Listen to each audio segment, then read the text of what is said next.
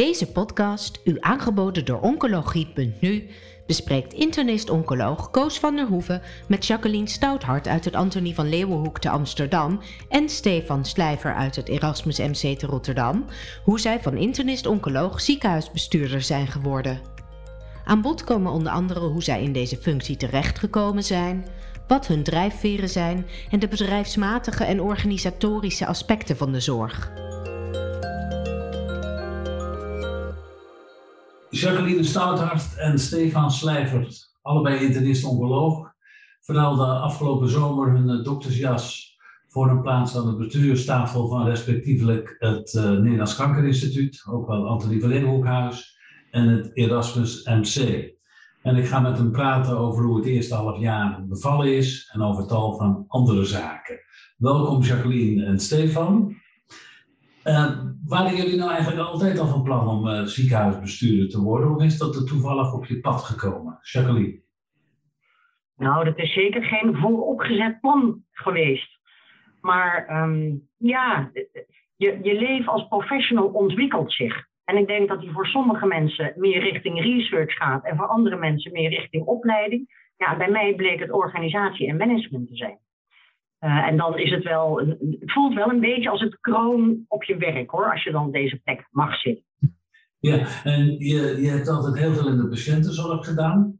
Uh, je was een, een borstkankerspecialist. Je was ook opleider. Volgens mij heb je ook nog wel eens de prijs gekregen van opleider van het jaar.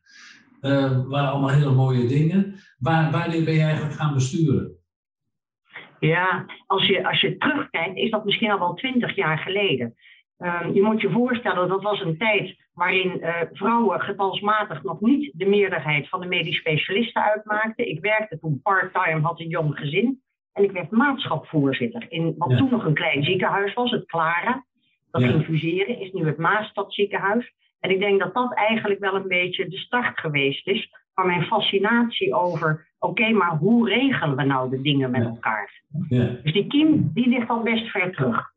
Oké. Stefan, hoe zit dat voor jou?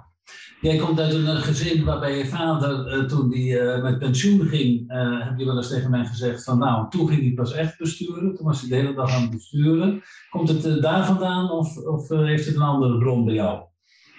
Nee, het is wat Jacqueline zegt. het evolueert in de loop van de tijd. Wat ik voor mijzelf altijd heb gehad, is dat ik het ontzettend leuk vind om divers bezig te zijn. En um, ja, dat, dat, dat heeft mij altijd aangetrokken. Uh, en dit is ook weer een nieuwe tak, tak van sport. als je dan gewoon kijkt hoe dat bij mij gegaan is. Ja, er zaten toch wel een paar hele duidelijke beslismomenten zaten daarin. Ik was destijds volstrekt gelukkig als internist-oncoloog binnen de staf van de interne oncologie van het Erasmus MC. Toen met name nog aan de locatie Daniel met het onderzoek, mijn eigen onderzoekslijnen, met patiëntenzorg. En toen vertrok ineens het toenmalige afdelingshoofd naar de, naar de raad van bestuur. Dat was Jaap Verwij. En die ja. belde mij en ik weet nog precies waar dat was. En die zei, ja nu kijkt iedereen naar jou. En in de jaren daarvoor had zich dat wel langzaam maar zeker een beetje die kant op gegaan. Hè. We hadden een soort, ja, we hadden toch een separate locatie daar aan de Daniel. En die, uh, die stuurde ik namens de staf al, al enigszins aan. Maar dat was echt wel een punt waarvan je dacht van, uh, oké, okay, nu, nu, ga je toch wel meer, meer die kant op. Dat wordt ja. dan in de loop van de tijd voor mij steeds, steeds forser. Met ook een themavoorzitterschap op een gegeven moment. Waarbij je een aantal afdelingen, dat je de primus inter pares bent daartussen de afdelingshoofden. En dan inderdaad als overtreffende trap qua bestuurlijkheid dan, uh, dan de positie waar ik nu in zit. Ja, en, en, en kwam dit, die positie van raad van bestuur ook weer zo toevallig doordat iemand vertrok? Of? Ja, dat kwam, voor mij kwam dat uh, wel enigszins onverwacht. Um, ik ben vrij lang afdelingshoofd geweest, een jaar of, uh, of negen. Uh, een aantal jaren themavoorzitter geweest. We hebben hier 49 afdelingen binnen het Erasmus MC die in negen thema's zitten. En als themavoorzitter ben je ja, heel veel afdelings- en thema-overstijgend ben je bezig. Dus echt organisatiebreed. En dat, uh, dat, vond ik, uh, dat vond ik erg leuk. Uh, en ik ja, was in het verleden ook wel eens benaderd voor bepaalde posities en raden van bestuur. Maar daar was ik op een gegeven moment nog niet aan toe. En ja, toen kwam de vraag voor de positie hier binnen het Erasmus MC, binnen de raad van bestuur als vicevoorzitter en decaan. Ehm, en dan aarzel je heel erg. Uh, dat doet ontzettend veel pijn. Hè? Want ik ben wel helemaal gestopt met de patiëntenzorg. Dat valt hier niet te combineren.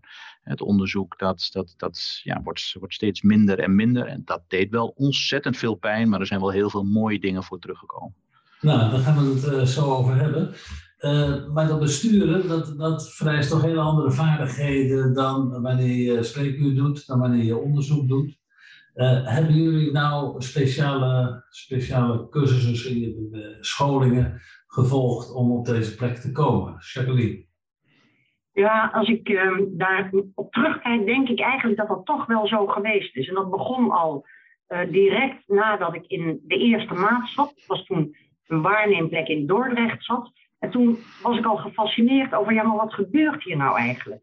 En de Nederlandse Vereniging voor Vrouwelijke Artsen had een training, dat noemden zij een kadertraining. Nou, dat sprak mij natuurlijk enorm aan. Maar eigenlijk komt dat neer op basisvaardigheden. En de basis der aller, nou, van alle vaardigheden is denk ik luisteren. Ik hoorde laatst iemand zeggen, je hebt niet voor niks twee oren en één mond.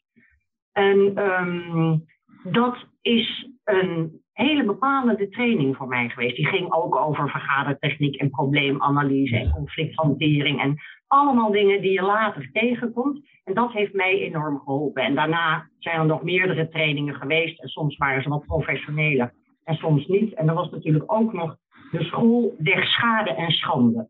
Want als je twintig jaar dit soort posities hebt, dan doe je echt niet alles in één keer goed. En daar leer je ook van. Ja, uh, nou eens luisteren, dat is een algemene vaardigheid. En je noemt een aantal andere vaardigheden. Maar als je bestuurder bent van een ziekenhuis, dan doe je dat ook met een aantal mensen. Maar vooral de financiële kant van het ziekenhuis. hoe krijg je daar grip op? Ja, bijzonder genoeg heeft de universiteit waar Stefan aan werkt een ontzettend goede school, business school voor zorgbestuurders. Ehm, daar heb ik ook een cursus financieel management gedaan. Dus ook daar zijn trainingen voor. En je moet realiseren dat binnen een bestuur de portefeuilles natuurlijk ook verdeeld zijn. Dus um, uh, een van mijn collega's, Inke Fokma, die is veel beter in dat soort dingen dan ik. En gelukkig heeft zij ook deze portefeuille. Ja, en Stefan, hoe zit dat eh, bij jou?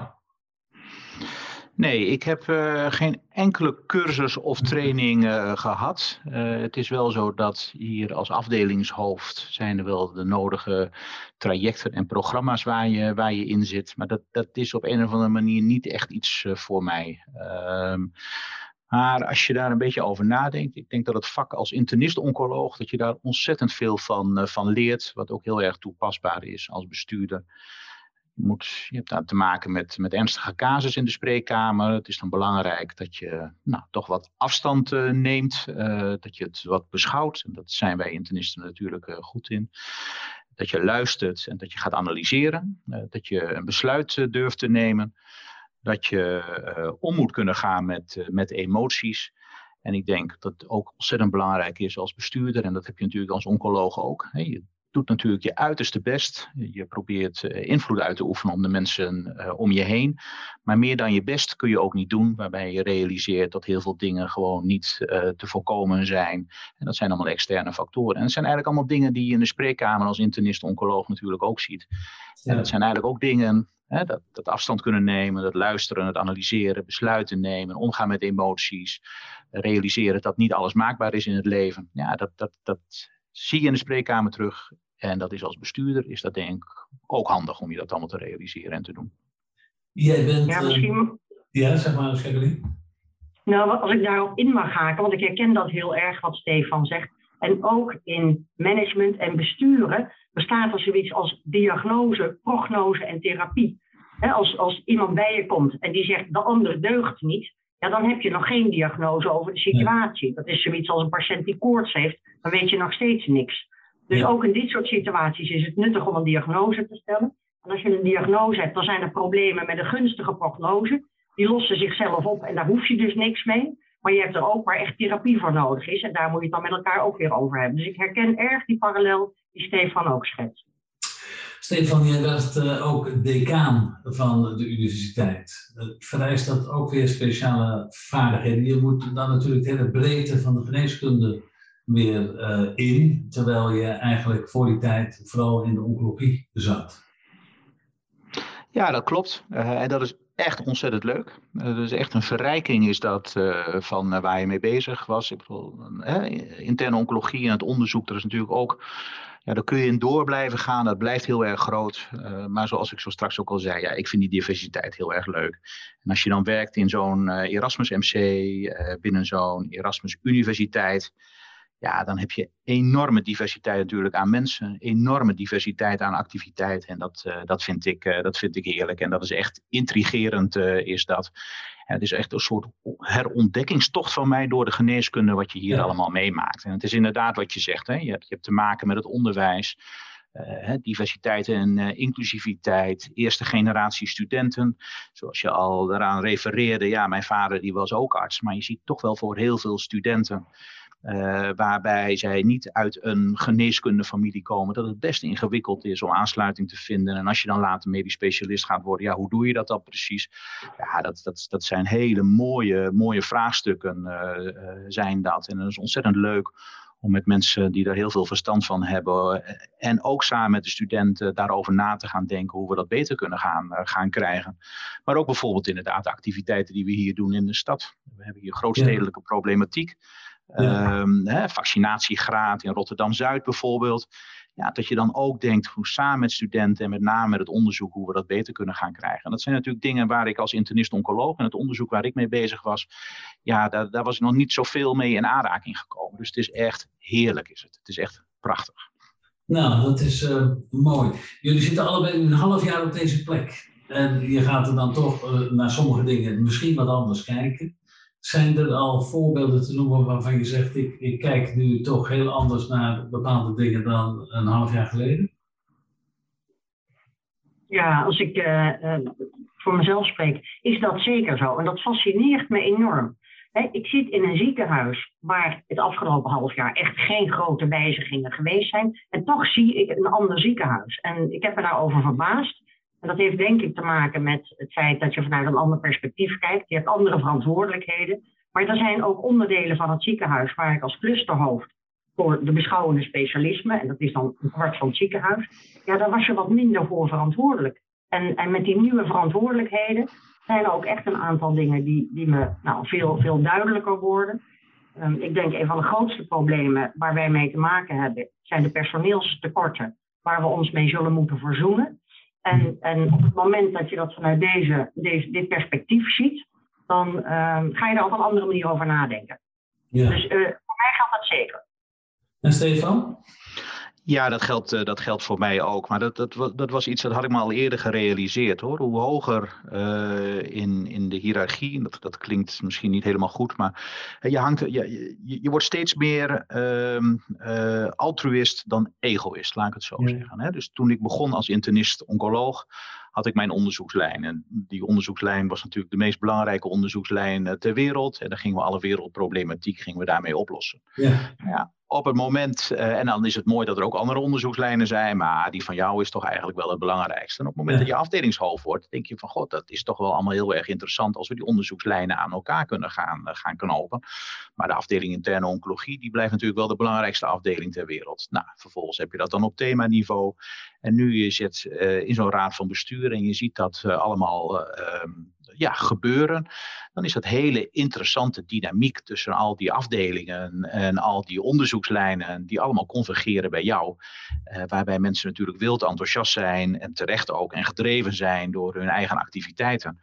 Maar ja, dat moet wel allemaal binnen de kaders uh, passen. En daar ben jij dan uh, voor. Dus, dus, dus je ziet steeds meer dat, dat, dat overstijgende en hoe het een en ander toch moet passen in de, in de kaders en in de context zoals we die hier hebben. Ja, jullie hebben het allebei al eventjes genoemd. De patiëntenzorg die heb je helemaal achter je gelaten, althans in actieve zin. Dus Stefan, ik, ik, ik kan me herinneren dat jij nog wel graag gewoon in een witte jas zo door alle afdelingen heen liep en een praatje met die en een praatje met een ander maakte. Is dat in die huidige positie ook nog mogelijk? Hè? Een praatje met de patiënt, een praatje met, nou, met iedereen die op de afdeling met tegen kan komen.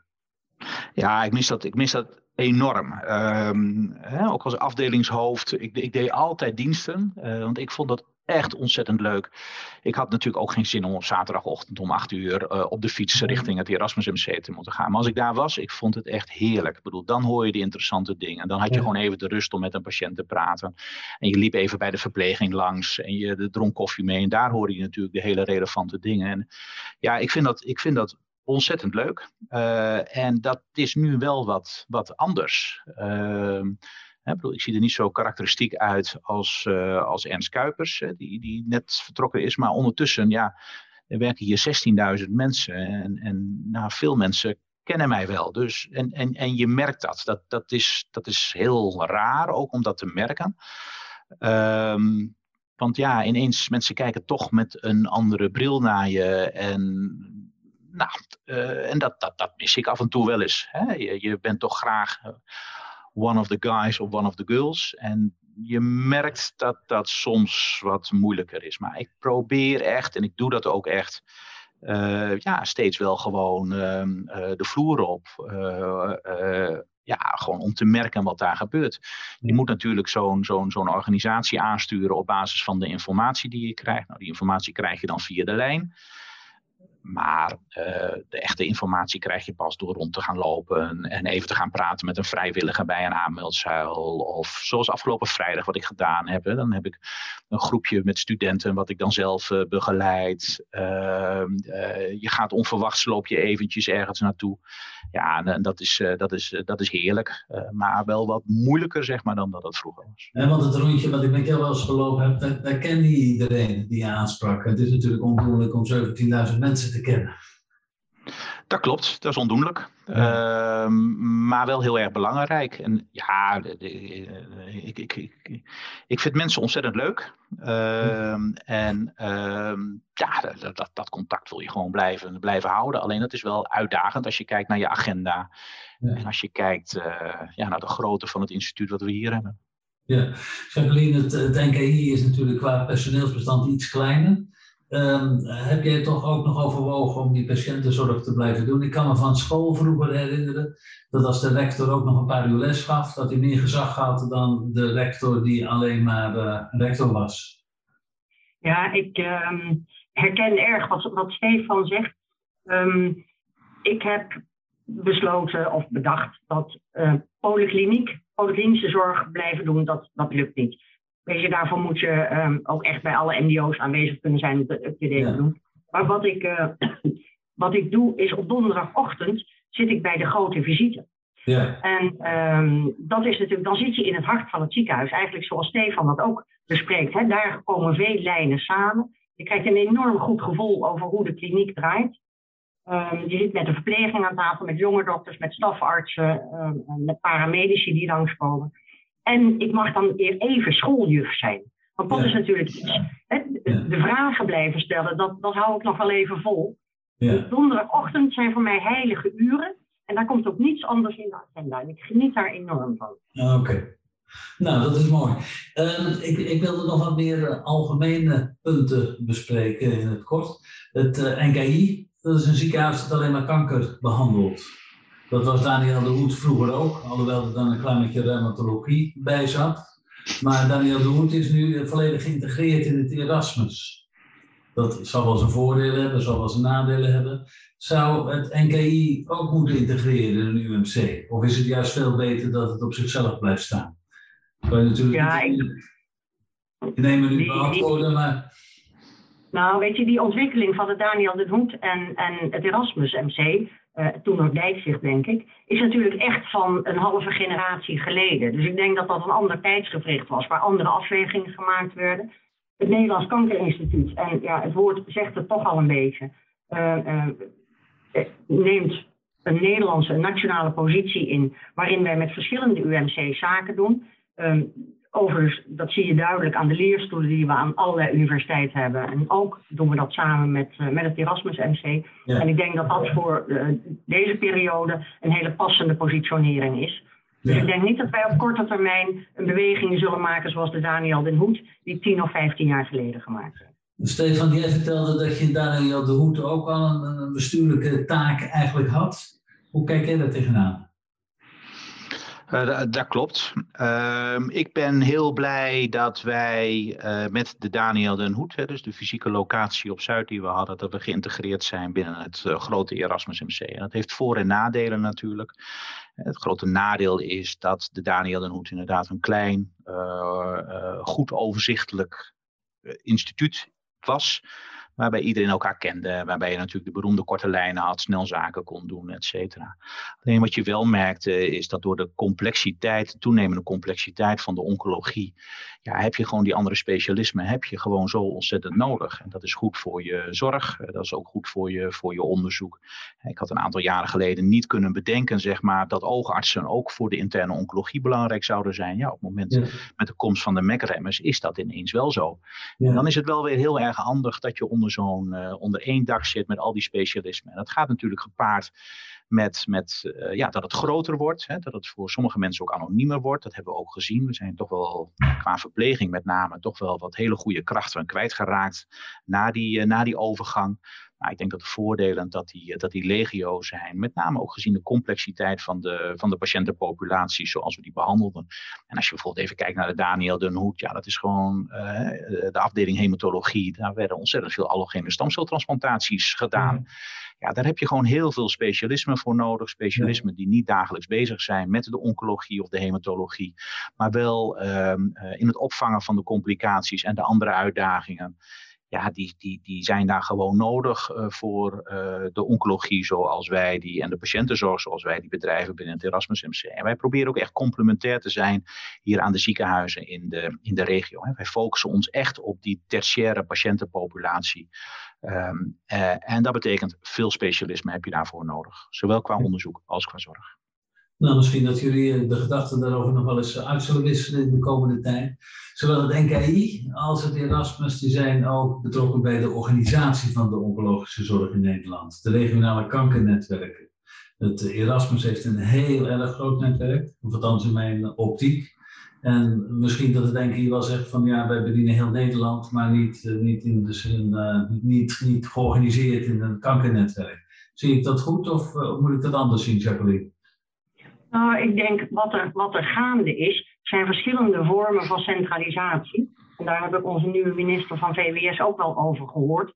Um, en, en centralisatie kan in de vorm van echelonering. En ik denk dat dat model heel erg in de netwerkvorming zit.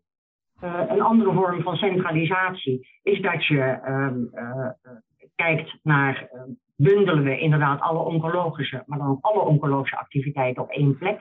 Ik denk dat dat een beetje is wat we binnen het Antonie van Leeuwenhoek doen. En een derde vorm van centralisatie, die we natuurlijk ook in Nederland zien, is bijvoorbeeld wat er gebeurt met de prostaatkanternetwerken. En waarin gezegd is, dat is een, een type zorg wat we nog maar op drie plekken in Nederland gaan aanbieden. Dus ik denk dat er verschillende modellen zijn waarin we wel gaan werken naar steeds meer centralisatie. En uh, nou, die, die bestaan op dit moment naast elkaar. En ik denk dat dat in zekere zin elkaar ook versterkt. Dus ik denk dat dat prima is. En een, een, een kankernetwerk waarin het NKI zeg maar, de plek van een UMC uh, inneemt, is dat ook denkbaar? Nou, ik denk wat, wat uh, Stefan zojuist ook aangaf, binnen de universitaire centra is natuurlijk um, um, nou, gekozen, of in ieder geval vindt op dit moment vooral de tertiaire zorg plaats. En um, in het AVL is dat anders. Hè. Wij beperken ons niet tot alleen maar hoogcomplexe zorg. Dat heeft veel voordelen voor onze researchlijnen, met name ook voor onze klinische research. Omdat wij natuurlijk een veelheid aan patiënten met allerlei ziektestadia zien. En ik denk dat we, uh, en Ivo Smulders, die kan daar ook goed over schrijven, dat hij ook zegt, ja, het concentreren van tertiaire zorg heeft ook nadelen, namelijk het verlies van de gewone verschijningsvormen van, in dit geval, bepaalde soorten kanker. Dus ik denk dat wij als AVL voorlopig vast zullen houden aan dat hele brede palet Zowel in het aantal ziektebeelden, waarbij we wel afscheid hebben genomen van de hematologie, als ook de verschillende stadia van ziekte. Misschien is het ook wel mooi dat in Nederland die diversiteit bestaat. Dan valt er ook echt wat te kiezen. Uh, jullie zijn allebei uh, fulltime bestuurder geworden. Uh, die worden ook wel vaak geconfronteerd met de kosten van de zorg, ook in het beleid dat ze moeten uitvoeren. Als jullie nou op internist-oncologen daar nog een boodschap in mee mogen geven, vinden jullie dat die voldoende van dit soort bedrijfsmatige aspecten op de hoogte zijn, of moet er nog een tandje bij? Stefan. Nou, ik denk dat daar een tandje, uh, tandje bij uh, mag. Als ik, als ik alleen eventjes kijk, en we hebben, een, zoals Jacqueline ook al zei, wat, wat aparte patiëntenpopulatie hier zo. Maar we zetten meer dan uh, 1 miljard om qua zorg. En meer dan 25% daarvan gaat nu al op aan dure geneesmiddelen. En dat gaat straks nog veel meer worden. Als we gaan hebben over gentherapie voor uh, sikkelcelziekte bijvoorbeeld of voor hemofilie. Dat gaat echt enorm gaat dat worden. En op een gegeven moment gaat de maatschappij daar toch ho tegen zeggen. En uh, ja, dat geldt natuurlijk ook voor de oncologie en de dure middelen daarbij. Dus ik denk dat de oncologen zich heel goed daar moeten gaan realiseren dat je een euro maar één keer kan uitgeven. En dat er dus een grote verantwoordelijkheid ligt bij oncologen om niet alleen op te komen voor de individuele patiënt, maar ook voor de toegankelijkheid van de zorg. En ik denk dat je dat met name door goede indicatiestellingen kunt doen. We, kennen dat natuurlijk allemaal. Er wordt een prachtige studie uh, gedaan. Daar wordt een heel goed overlevingsvoordeel of ander voordeel wordt daar gezien. En vervolgens wordt het dan losgelaten in de dagelijkse praktijk. En zie je dat in de dagelijkse praktijk bijvoorbeeld maar 40 of 50 procent van je patiëntenpopulatie voldoet aan de inclusiecriteria van, van de studie. En dat betekent dus de andere patiënten dus niet. En daarvan is het dus eigenlijk gewoon onbekend of je die patiënten wel een voordeel biedt en of dat qua kosten en efficiëntie wel uit kan. En nogmaals, wat je uitgeeft aan het een, kun je niet uitgeven aan het ander. Dus ik denk dat die indicatiestelling, dat daar uh, de oncologie uh, nog meer over na moet gaan denken van hoe gaan we dat nou regelen in Nederland. Dat patiënten uh, die een medicament moeten hebben, dat ook krijgen. En andere patiënten, dat we daar toch wel wat kritischer op zijn. Dat is één. En het tweede is middels het doen van onderzoek. He, daar, daar komt nu gelukkig wel steeds meer tractie op. Je ziet het bijvoorbeeld bij de melanomen met de Safe Stop studie, waarbij een behandeling met een dure therapie minder lang gegeven wordt. Je ziet initiatieven in Nijmegen met de combinatie met een vette maaltijd, waardoor je bepaalde medicatie in een lagere dosering moet gaan geven. En ik denk dat, dat daar, daar moet echt uh, uh, fors op ingezet blijven worden om die, die gezondheidszorg, inclusief die oncologie, betaalbaar en dus toegankelijk te houden. Jacqueline, jij was ook opleider. Wat vind jij hiervan?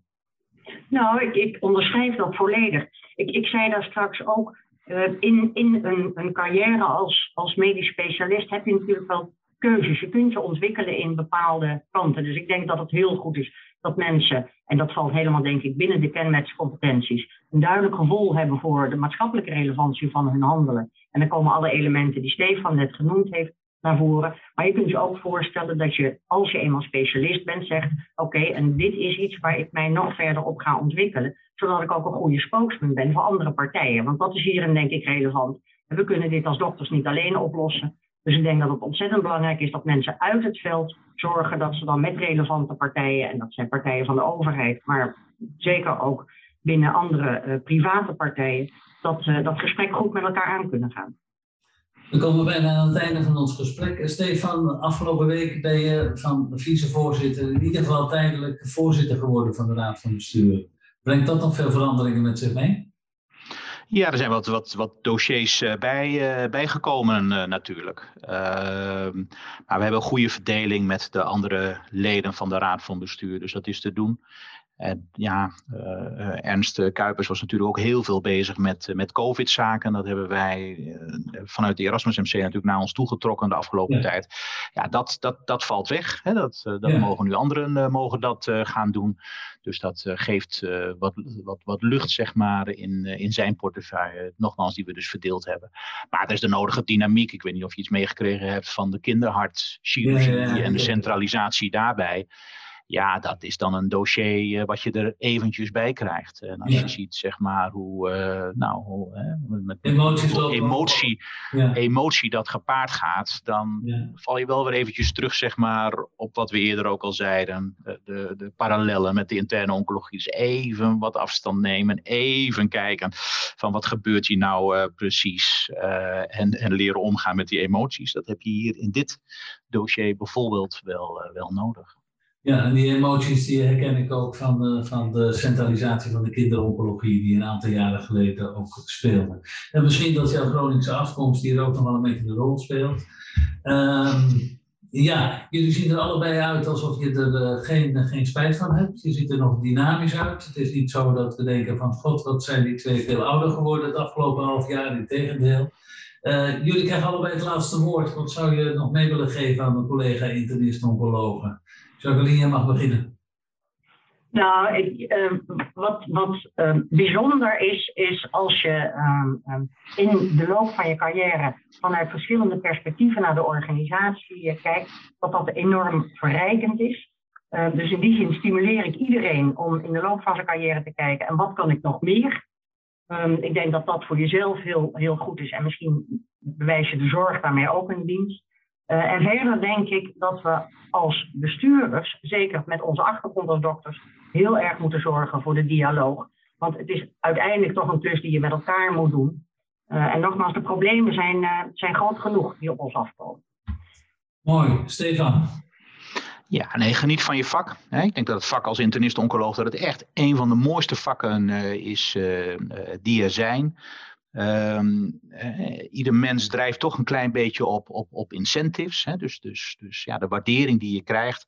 En dat is natuurlijk iets wat je in de spreekkamer ontzettend veel krijgt van, uh, van patiënten. En dat, als bestuurder is dat wel een stuk indirecter, laat ik dat, uh, laat ik dat, uh, laat ik dat zo zeggen. Dus, dus geniet daarvan. Maar wat Jacqueline ook zegt, hè, blijf wel kijken buiten je spreekkamer. Er gebeurt ontzettend veel. We zullen echt met samenwerken en netwerken. En het nemen van de maatschappelijke verantwoordelijkheid, daar, daar daar moeten we, daar moeten we verder mee. En ook dat is ontzettend leuk. En doe dat genuanceerd met respect voor een ander. Ik denk dat je als interne oncologie ook heel trots op, je, op onszelf mogen zijn. Hè. Als je kijkt naar een commissie BOM bijvoorbeeld, die al voor ons gewoon is. Ehm, ja, dat is voor heel veel andere specialismen nog zeer zeker niet gewoon. Dus je doet als interne oncologie heel veel goede dingen. Maar blijf je daarin doorontwikkelen. Neem die voortrekkersrol. Nou, dank jullie wel. Het enthousiasme is er nog steeds. En ik hoop dat het de komende tijden, in moeilijke tijden, ook zal blijven. Dank jullie wel voor uh, het interview. Bent u geïnteresseerd in meer podcasts? Deze zijn te vinden op de website oncologie.nu